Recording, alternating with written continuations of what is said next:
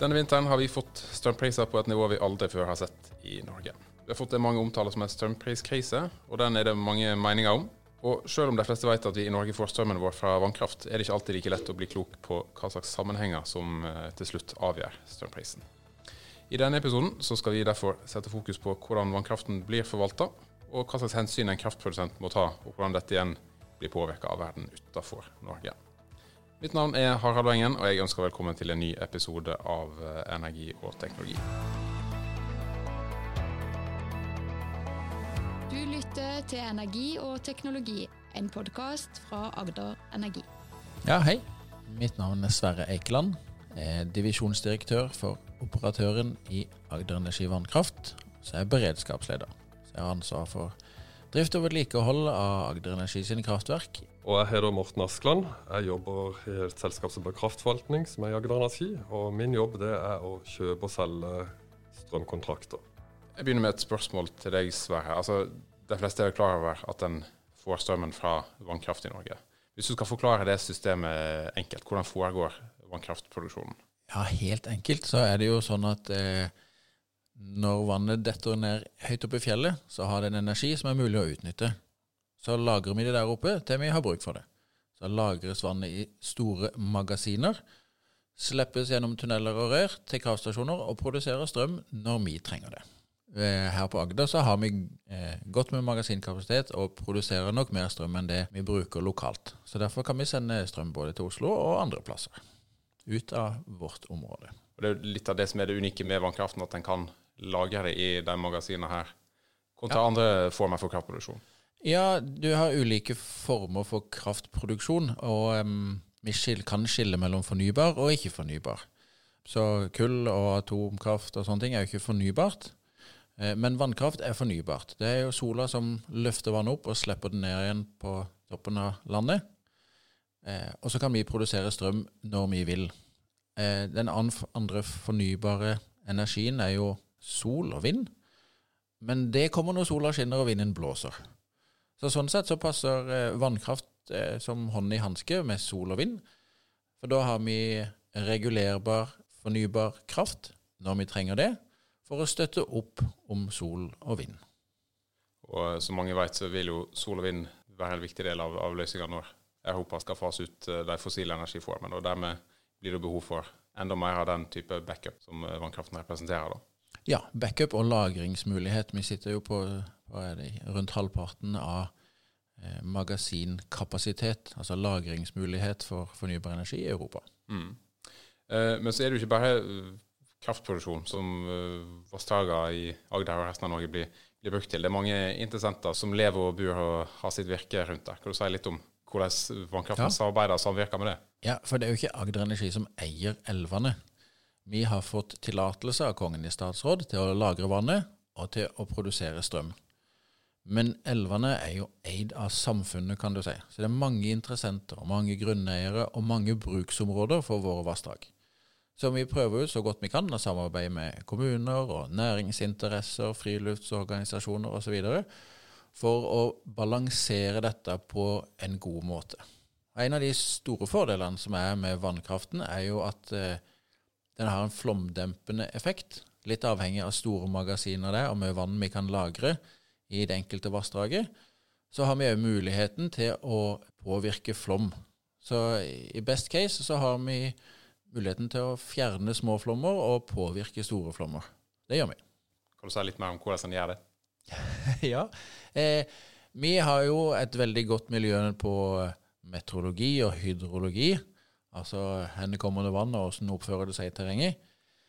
Så eh, vi prøver jo å planlegge sånn at det ikke går vann forbi kraftstasjonene. Det er mest lønnsomt for oss, og det skaper minst problemer for resten av samfunnet. Så eh, den store tingen er kanskje at vårflommene er mer eller mindre borte i de store regulerte vassdragene. For vi har brukt opp eh, vannet til å lage strøm gjennom vinteren når vi trenger mest strøm. Og så er det god plass til den smeltende snøen i magasinet når snøen smelter. Det kommer nedover. Og så fylles jo magasinene gradvis opp igjen utover høsten. Og jo lenger ut på høsten, jo fullere blir magasinene før vinteren kommer. Det, det er et litt sånn vanskelig, vanskelig, område.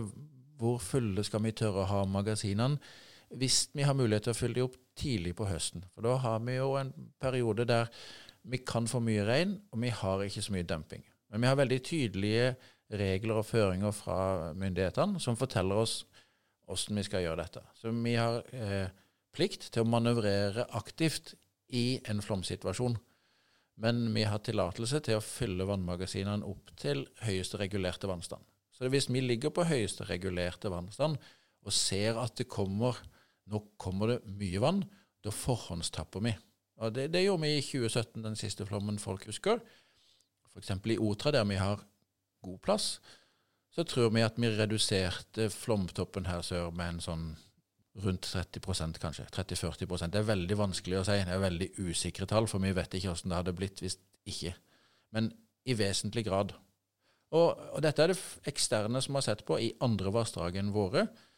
Og analyser viser at vi sparer samfunnet for flere hundre millioner i året i reduserte skader fordi vi reduserer eller hindrer flom. Ja, akkurat der er vel Otra et godt eksempel. For hvis ikke det hadde vært et regulert vassdrag, så var jo det et sted det virkelig kunne jevnlig forekomme store skadeflommer. Ja, ja er, Otra er et godt eksempel. og Hvis du tar Otra kontra Mandalsvassdraget, så i Otra så ligger vi jo nok over 70% reguleringsgrad. Det vil si magasinene kan ha plass til rundt 70% eller mer enn 70% av årsnedbøren. Mens i Mandalsvassdraget så er tallet rundt 30 så, så hvis vi får masse regn i Otra, så har vi bedre muligheter enn hvis vi får masse regn i Mandalsvassdraget. Men så kommer an på hvor det kommer, for magasinene ligger høyt til fjells. Hvis det kommer i det beltet som er kanskje fem mil inn fra land, så har vi jo ingen reguleringsmuligheter. Da kommer vannet som det kommer. Men, men det er den ene sida. På den andre sida er det at vi har muligheten til å opprettholde vannføring når det ellers er kjempetørt. I 2018 hadde vi en veldig tørr sommer. Eh, og da hadde plutselig de regulerte elvene de beste forholdene for laks, for der var det vann, i motsetning til de som ikke hadde regulering. Så mm, vannkraften stabiliserer vannføringa og fjerner noe av de uheldige tinga med svært varierende vannføring. Og Det her eh, som har blitt tydelig, det innebærer jo en hel del planlegging og eh, optimering av hvordan en, en bruker vannressursene. Og Da kommer en litt inn på hvordan Energi planlegger vannkraftproduksjonen for å skape størst mulig verdier, som på en måte er, kraftselskapene sitt mandat. Uh, og Da må man jo si litt om hvordan strømprisen blir danna, sånn i utgangspunktet. Uh, vår jobb er jo å optimere inntektene uh, i henhold til de rammene som Sverre snakka om. Og så Det at vi optimerer våre inntekter, det er jo også bra for Ola Nordmann som, som forbruker, som kjøper strøm på strømregninga. For det betyr at da har vi mye vann å produsere når prisene er høye. Men først, eh, før en skal si hvordan vi tenker når vi bestemmer hvordan vi skal kjøre kraftverkene våre, så må vi bare først si kort om hvordan bestemmes kraftprisen. Og da er det jo sånn at alle i Norden og i Sør-Norge som ønsker å selge kraft, som har kraft å selge, de leverer inn et bud til børsen som sier hvor mye vil vi selge, og til hvilken pris. Og dette gjøres eh, for alle døgnets 24 timer. Så 365 dager i året hvis ikke er skuddår, så eh, må vi eh, melde inn hvor mye vi ønsker å selge i de 24 timene påfølgende døgn, og til hvilken pris. Og Da er det jo sånn at De godt regulerte vassdragene der kan du spare vannet lenge hvis du vil, og da kan du ta deg en høyere pris for det vannet enn det du kan eh, på et elvekraftverk som må produsere den nedbøren som kommer. Ja, eller sagt på sånn forsyningssikkerhetsmåte, vi kan spare vannet der til vi har ordentlig bruk for det. Ja, motsatt så er det alle som ønsker å kjøpe strøm, altså f.eks. industri og sluttbrukerselskap som Los. De må melde inn hvor mye eh, strøm de skal bruke neste dag. Og så er det en tredje ting som har fått eh, veldig mye oppmerksomhet det siste året. Det er jo alle utenlandskablene.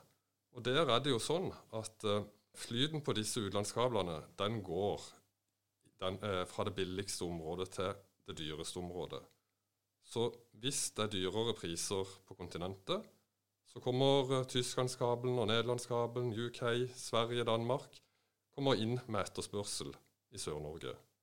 Det vil da løfte prisen i Sør-Norge. Og Motsatt blåser det mye, så kommer de inn med, med, stort salg hos oss. Og da kan prisen synke kraftig. Så prisen blir da, den blir da satt time for time året rundt uh, på den prisen som klarerer tilbud og etterspørsel. Det var kanskje en litt lang forklaring. det, det, går bra. Det er jo et komplisert uh, marked. Ja, det, det er mer komplisert enn det blir framstilt som uh, i enkelte tilfeller, iallfall. Men, men det grunnleggende er at en, en prisen blir satt av en balanse mellom tilbud og etterspørsel etter, Ja. etter kraft. Det er det. Og for en produsent som skal uh, tilby sin uh, produksjon til en viss pris, da må du ha en formening om hva slags verdi den har, eh, ut fra en, en, en rekke faktorer. Eh, hva slags eh, hensyn eh, er det?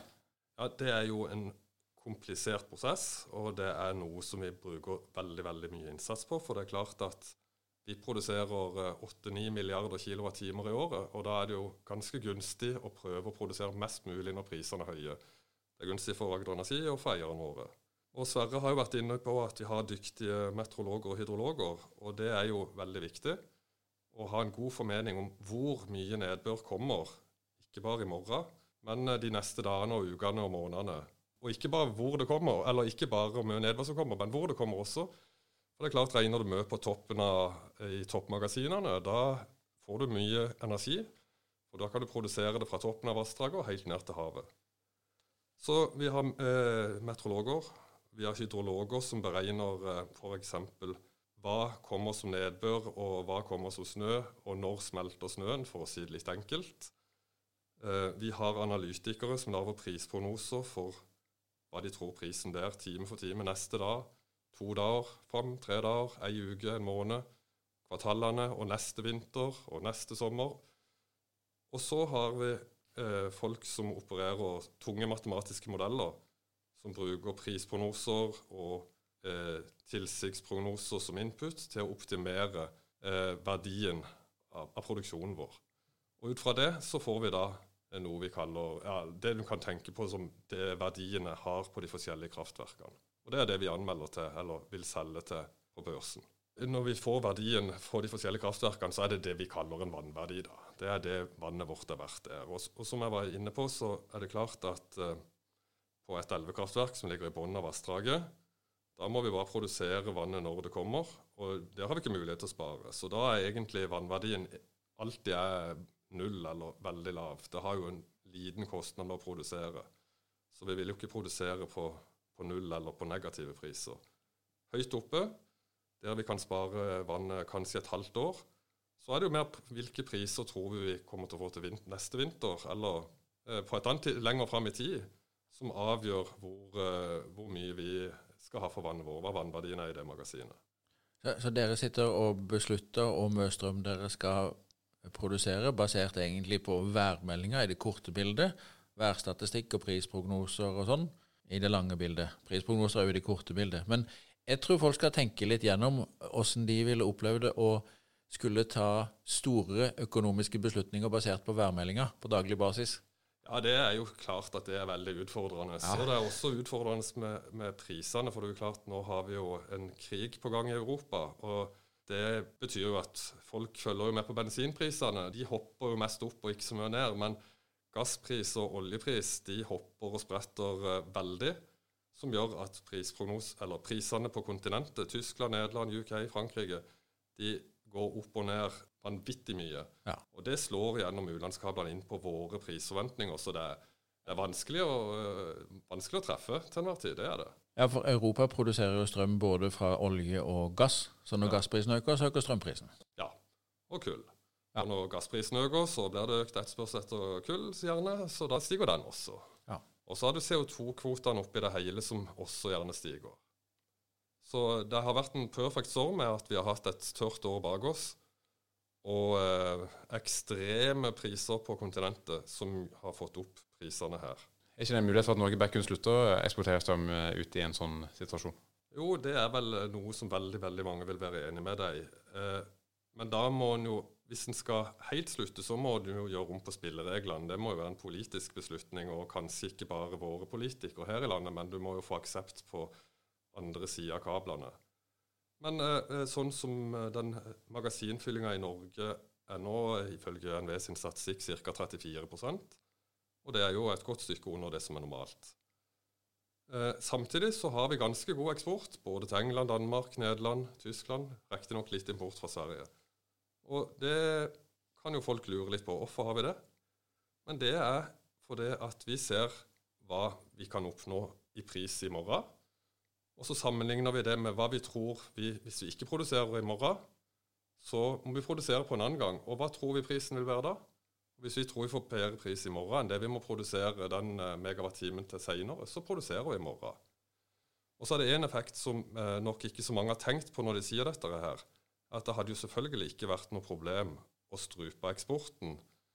Det var bare å stoppe produksjonen. Men det som hadde skjedd da, var jo at da hadde jo prisene i Sør-Norge kommet opp til det prisene på andre sida av kabelen. Og det er jo minst 50 høyere enn det det er i dag. Det er et viktig poeng det at selv om prisene har vært veldig høye i eh, Norge over tid eh, i noen måneder nå, så har den jo likevel, ser den likevel betydelig under f.eks. det tyske nivået og de forventa prisene i, i Tyskland f.eks. Ja, vi har vel ligget på eh, under det halve gjennom hele vinteren. Eh, nå har jeg ikke tallet helt framme i pannbrasken, men det er godt, godt under tyske nivået. Det er det. Og så må jeg også si at det er jo mye fokus på magasinfyllinga, og det er viktig, det.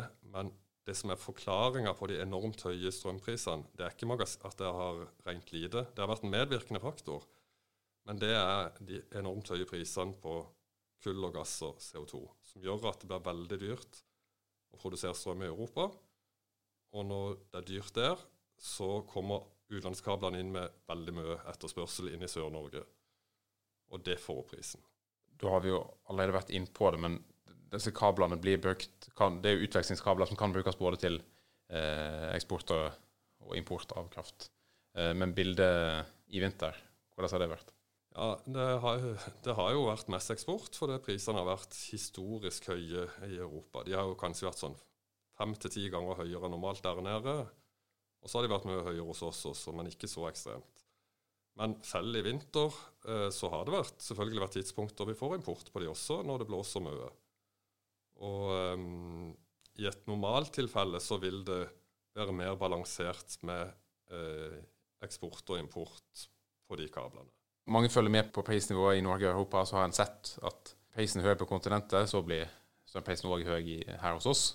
Eh, men så kan en òg se at eh, i en del timer, som du har vært inne på, så når den er lav på kontinentet, så er den likevel høy her i, i, Norge. Er det litt sånn at da får vi høye priser i særlig i Sør-Norge da, uansett? Det er jo et paradoks, dette her. Og det kommer jo av at uh, noe av det vi har snakka om før her Når det er veldig lave priser på kontinentet, blåser veldig mye, så får vi veldig mye import. Alle utenlandskablene kommer inn med import. Men den importen er ikke nok til å dekke opp hele etterspørselen i Sør-Norge.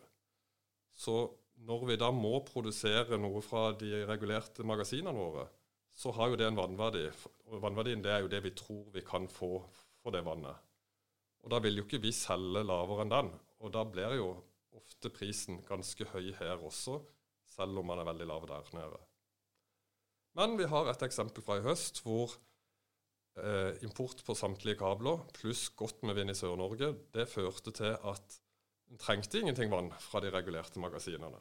Og da klarte vi faktisk å for første gang i historien å få negative priser på natta. Og så skifta situasjonen utover dagen. Prisene steg i, i, Tyskland, og det snudde fra full import til iallfall noe eksport. Og vi gikk fra negative priser på, på natta og opp til ei krone kilowattimen på ettermiddagen.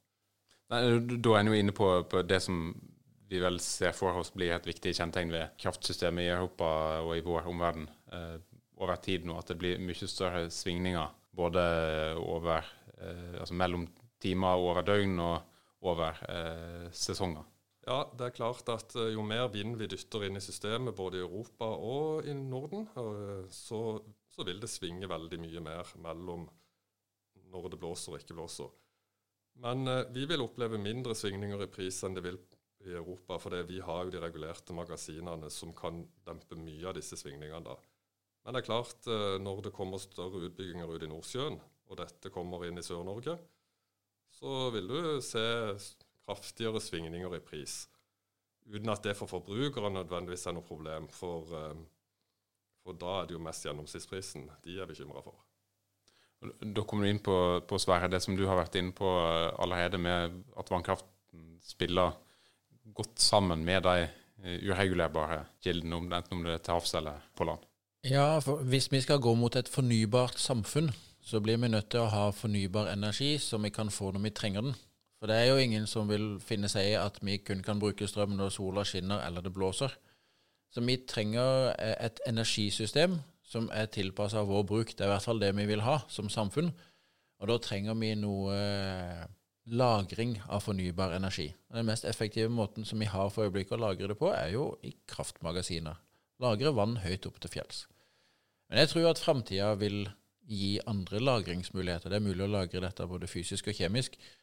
Eh, og etter hvert som verden skjønner viktigheten av å ha klimavennlig kraftproduksjon, så kommer det til å finne sin vei. Det er jeg nokså trygg på. Ja, og Den siste utviklinga de siste bare ukene det gjør jo at dette her kommer vel etter all sannsynlighet til å få mye mer trykk i årene som kommer, enn det en kanskje trodde for en måned siden. Ja, og Hvis en ser på CO2 som problemet, så er jo eh, vind og vann og sol og kjernekraft ting som slipper ut lite CO2.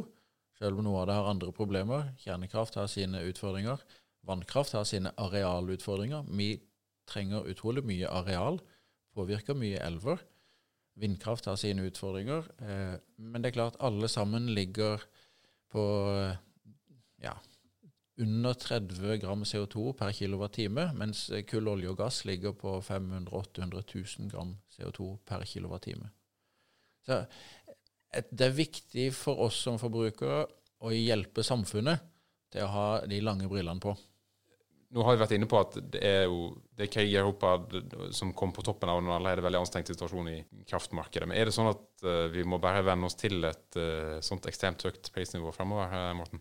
Altså, Det er jo ikke veldig enkelt å svare veldig bombastisk på dette her. For det, ting skifter jo utrolig fra dag til dag. Det er ikke lenger enn i 2020 hvor uh, vi hadde under ti øre i snittpris for hele året i Sør-Norge. Men i takt med det grønne skiftet i Europa og i verden, så er det jo noen ting som virker nokså sannsynlig. Og det er at prisene på utslipp de har steget kraftig de siste årene. Og det gjør det jo dyrere å, um, å, produsere kullkraft og gasskraft. Samtidig så blir det ekstra dyrt å produsere kullkraft, så da har uh, prisene på gass steget kraftig. Og dette er tendenser som uansett hva som hadde skjedd i Ukraina, nok ville fortsatt sånn at jeg tror nok vi kunne se for oss at prisene ville ligget på et mye høyere nivå enn det det har gjort historisk av den grunn. Men så nå er jo det kommet et annet problem i tillegg, da, og det er jo forsyningssikkerheten til Europa. At en kanskje ønsker å kvitte seg med import, være avhengig av russisk import av, av gass og olje. Og det vil jo kunne løfte prisene enda mer enn det vi så for oss for et par-tre måneder siden. Blant annet så er det en ny gassrørledning, eh, Nord Stream 2, som egentlig skulle vært i drift uh, i vinter, og så ble det utsatt til sommeren. Men den er nå bare helt uh, ute. Det er uaktuelt å starte opp med den. Uh, Iallfall for øyeblikket. Så både det grønne skiftet, men også ønsket om bedre forsyningssikkerhet i Europa, det gjør nok at uh, strømprisene i Sør-Norge kommer til å ligge på et høyere nivå i årene som kommer, enn det vi har sett før det her gir jo på den ene sida veldig eh, høye strømregninger for, for, vanlige folk, men uh, så gir det jo høye inntekter til de som produserer kraften òg. Hvor blir de pengene av, rett og slett? Ja, det er jo et godt spørsmål. De spres jo ut. Men uh, i Norge så er det sånn at ved lov så er det krav om at vannkraft over en viss størrelse skal være eid i vesentlig grad av det offentlige. Så hvis du ser på vannkraften i Norge, som står for 95 ca. av vår energiproduksjon, så er den eid 90% av det er eid av det offentlige. Så alt overskudd går jo til eh, kommuner, stat, i forskjellige eierkonstellasjoner. I tillegg så har vi jo noe som heter grunnrenteskatt, fordi at vi har gratis råvarer og evig rett til å bruke den gjennom konsesjonene. Så er vi pålagt en ekstra skatt. Så vi har jo et skattetrykk som er på mye mer enn andre selskaper. Det er en ekstraskatt på nesten 40% som kommer i tillegg. Så, så jeg har sagt rundt regna når noen har spurt, at hvis vi får inn ei krone i inntekt, så havner 70 eh, øre til det offentlige som utbytte eller skatt, sånn der omkring, og så går resten til å drive ting og holde det i orden. Men det, det, det, det tallet må en ta med en god kilo salt, tenker jeg. Ja, også I tillegg til den gode salten, så, da, så kan du også si at eh, de kommunene hvor kraftverkene ligger og magasinene ligger, de vil jo også tjene på dette her. da. Så det, Ja, det, de har jo eiendomsskatt og andre ting i tillegg, og konsesjonskraft og sånn. Så eh, for oss som jobber med dette til daglige og mener at vi har et greit overblikk, så er det klart det er vondt å se at folk lider og ikke har råd til strømmen og sitter og fryser. Og det, der må samfunnet finne en ordning. Men eh, all den verdiskapningen går i hvert fall ikke i lomma på noen oligarker eller lignende. Det går tilbake til samfunnet. Det er til oss sjøl. Så det handelsoverskuddet vi har med utlandet pga. energisalg, det kommer oss til slutt til gode hvis vi klarer å fordele det mellom oss på en hensiktsmessig måte. Så i, i, Norge er jo den situasjonen som har kommet av de ekstremprisene her, først og fremst et sånt omfordelingsspørsmål, hvordan en fordeler gevinst og tap, eh, i motsetning til en del eh, andre land. Ja, det er et spørsmål. Og så er det jo et spørsmål eh, om markedet fungerer sånn som det var tenkt med de nye forutsetningene. For eh, når energiloven kom tidlig på 90-tallet i Norge, så var det en annen situasjon med tanke på stabil og billig grunnlast i kraftsystemet, som, er, som kull og atomkraft sto for. Jeg tror jo at vi er mellom to paradigmer. For eh, det vi har sett ute i Europa, er at eh, kull og atomkraftverk legges ned av relativt åpenbare grunner, men det skaper et hull i systemet der du ikke har tilgang til billig og stabil strøm. Så inntil vi har funnet et nytt paradigme der vi har muligheten til å sørge for stabil og billig strøm i store nok mengder, så, så vil markedet ha en usikkerhet, og vi vil lete etter nye måter å få ordna dette på. Det kan ordnes på, på mange måter, men inntil den usikkerheten er landa, så, så, så, tror jeg at det er veldig vanskelig å ja, forutsi hvordan markedet kommer til å agere, og det kommer nok til å være mye mer volatilt. Det, det, det går jo en, en, stor debatt om, om regulering av hele markedet, og folk som vil tenke helt nytt om det. Det skal vi kanskje ikke eh, gå så veldig langt inn i akkurat her. Det er uhyre komplisert. Det er veldig komplisert, og det er klart at uh, å ha en makspris på strøm, det høres jo veldig fornuftig ut på mange måter. Det som er dumt, da, det er jo at da får ikke de som etterspør strøm, noe prissignal uh, som kan gjøre at de reduserer etterspørselen. Sånn at hvis en hadde klart, som Sverre sier, å ha en bedre omfordeling av inntektene ut til de som får utgifter, så tror jeg AS Norge ville tjent mye på det framfor å deregulere markedet. Men det, dette er store, kompliserte spørsmål som eh, jeg vet at det jobbes godt med på folk som har eh, mye mer peiling og mye mer ansvar for det enn det vi har som en lokal energiprodusent. Dette er stor internasjonal politikk. Eh, og i Norge gjennom den strømkompensasjonsordningen som er innført, og som nå skal gjelde ut mars 2023, eh, og i tillegg til en del andre tiltak, så har han gjort en del grep nettopp for å eh, i fall, skjerme en del av konsekvensene mot vanlige kunder. Ja, og samtidig så, så prinsipielt sett så er det riktig, sånn som den kunnskapen vi har om global oppvarming nå viser, å stoppe å slippe ut CO2. Så vi må som verden klarer å forsyne oss sjøl med energi på en måte som er bærekraftig på lang sikt. Og der har eh, vannkraften en stor verdi? Ja, vannkraften har en kjempestor verdi. Eh, vi ikke bare produserer mye fornybar energi, verdens reneste fornybare energi med tanke på CO2-utslipp per kilowattime. Vi ligger på ca. 3 gram per eh, kilowattime. Det er jo en rekke andre gunstige effekter med vannkraft. Eh, vi har mer stabil vannføring, vi har vann til laksen og andre når det er lite vann. Vi klarer å dempe mye på flommer. Eh, og det er gjort analyser av eksterne selskaper som viser at vi sparer samfunnet for mange hundre millioner kroner årlig pga. reduserte flomskader. Og helt lokalt så har, eh, har, vi jo hørt om folk som driver aktivitet i våre vassdrag, som sier at det hadde vært helt umulig å drive vår aktivitet hvis ikke det hadde vært regulert. Du kan ikke drive eh, vannbasert aktivitet i elvene uten å vite at det er vann. Hadde, eh, sommeren 2018 så var det helt umulig å padle eh, et eneste stryk i de elvene som ikke var regulert. Så det å ta kontroll på naturen sånn som vi gjør, for å produsere ren energi, har òg mange andre gode effekter med seg.